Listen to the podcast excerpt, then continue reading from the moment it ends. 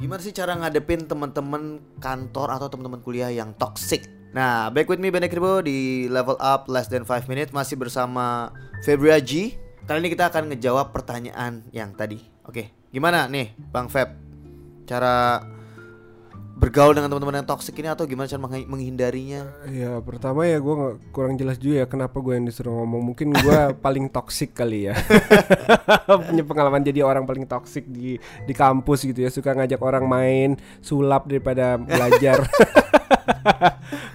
Eh, Sebenarnya em, begini aja. Biar gampang ada jawaban gampang dan jaw- jawaban susah ya. Jawaban gampangnya sebisa mungkin dijauhin Oke Kalau udah masalah kerja em, lo tuh responsible sebagai kerjaan lo sendiri dan lo bakal apa apa pun yang lo kerjain itu ada customernya ya.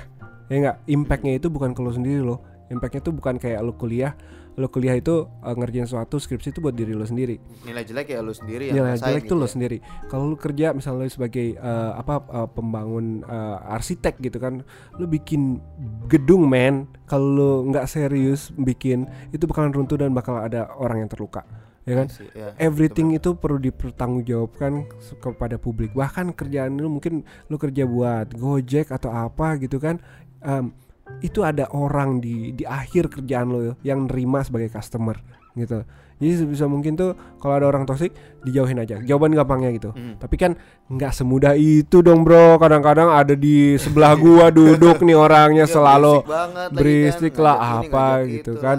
Am, ini itu. iya.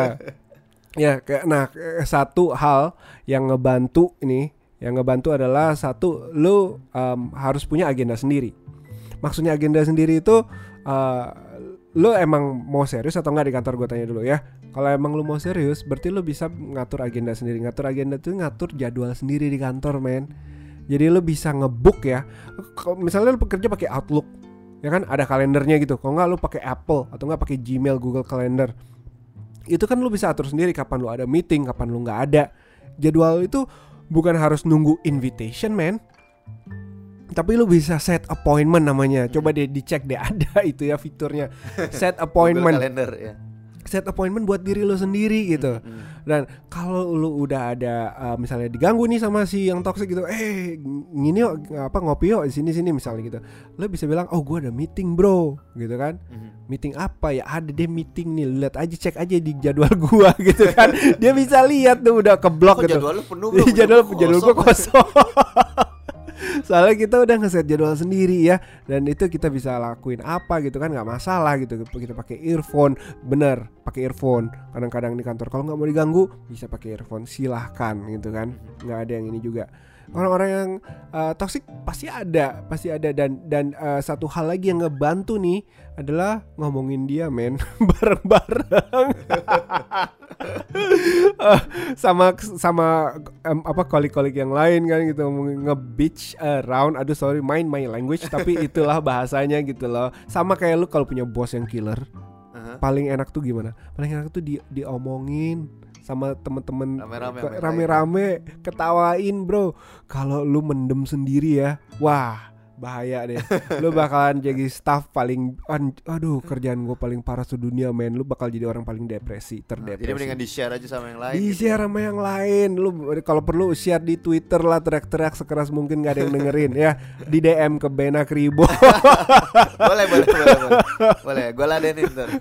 kolik gua ada yang gini bro masa kopi campur teh kasih ke gua gitu misalnya apa Aduh, berarti intinya sebenarnya ya kita harus menyibukkan diri ya, maksudnya harus bisa lebih produktif dan dan benar-benar ngelakuin si jadwal tadi ya, maksudnya kan berarti ada hubungan sama disiplin juga dong kalau misalnya udah bikin jadwal sendiri. Jadi kalau misalnya diajak diajak Bu- untuk bukan ngapa-ngapain, bukan disiplin sebenarnya oh Ben. enggak gimana gimana? kita punya caranya. Ada banyak cara Oke. buat menghindari orang kayak gitu. Mhm. gitu. Jadi satu kita mau nggak menghindari? Kalau kita udah serius kita mau ya itu tadi caranya salah satu. Yang itu yang gue ngomongin.